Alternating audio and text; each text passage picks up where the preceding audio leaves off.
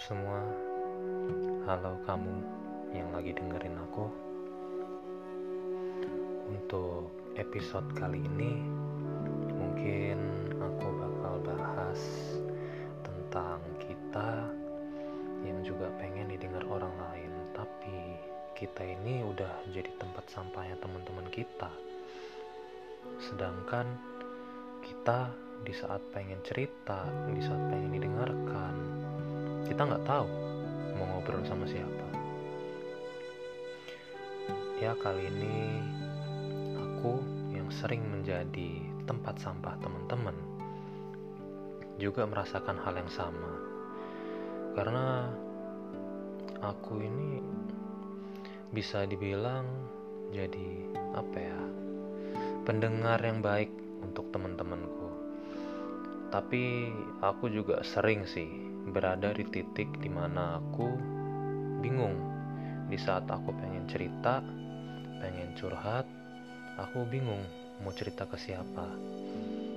Karena menurutku teman-temanku ini belum bisa nerima apa yang aku rasain ataupun belum bisa menanggapi apa yang aku rasakan.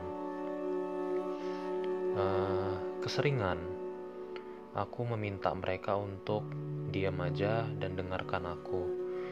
Karena aku tahu aku udah mentok, aku nggak tahu mau cerita sama siapa, dan aku cerita ke salah satu sahabatku yang menurutku bisa jadi tempat sampahku untuk cerita. Dan aku tahu dia belum pernah merasakan apa yang aku rasain saat itu. Dan ya udah, aku cuma minta dia untuk dengerin aja tanpa harus menanggapi. Karena yang aku butuhkan saat itu hanyalah tempat cerita, bukan tempat bertukar pikiran. Daripada aku mendapatkan respon yang aku tidak suka dan aku tidak mau untuk dengar, mending aku minta dia untuk dengerin aku aja. Dan memang sih, kalau kita terlalu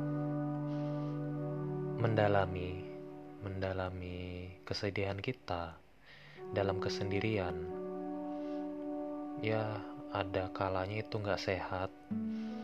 Karena pada akhirnya pikiran kita itu yang negatif itu bakal terus berputar berputar-putar di kepala kita.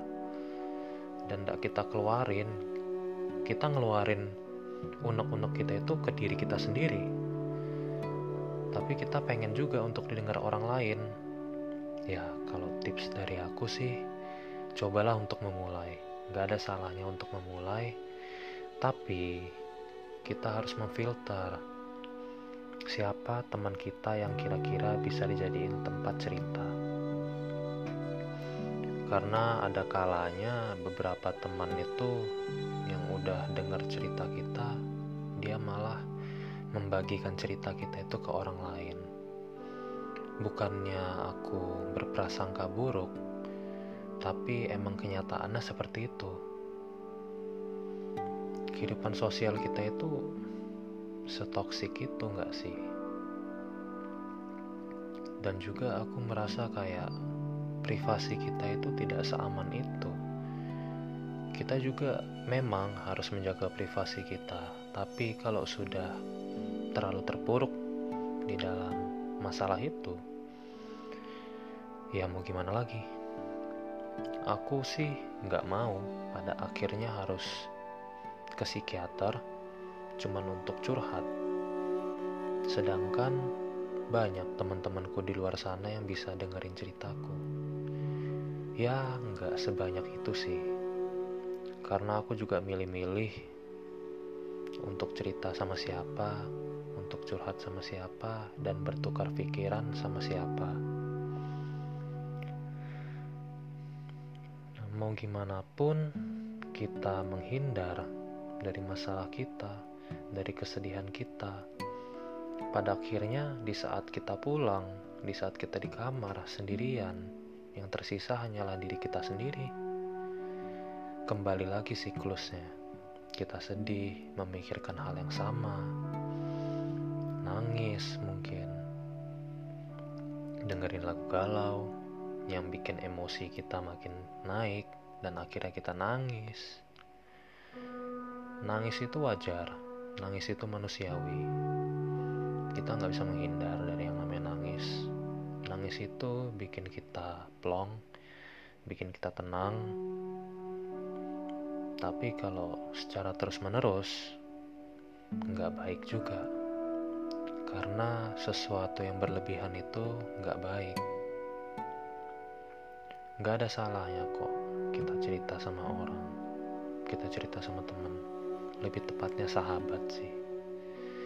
Orang yang paham kita banget orang yang udah ada di hidup kita selama beberapa waktu di saat kita jatuh di saat kita minta tolong.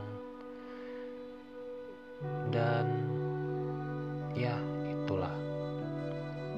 Kita harus bisa memulai. Tidak ada salahnya untuk memulai.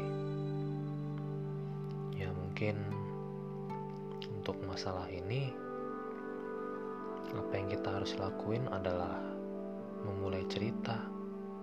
Entah kita pengen mulainya dari mana itu urusan kita masing-masing.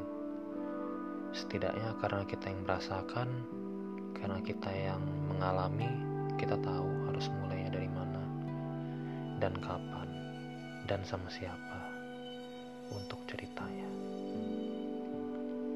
Mungkin itu aja untuk sekarang. Sampai jumpa di episode selanjutnya. Bye.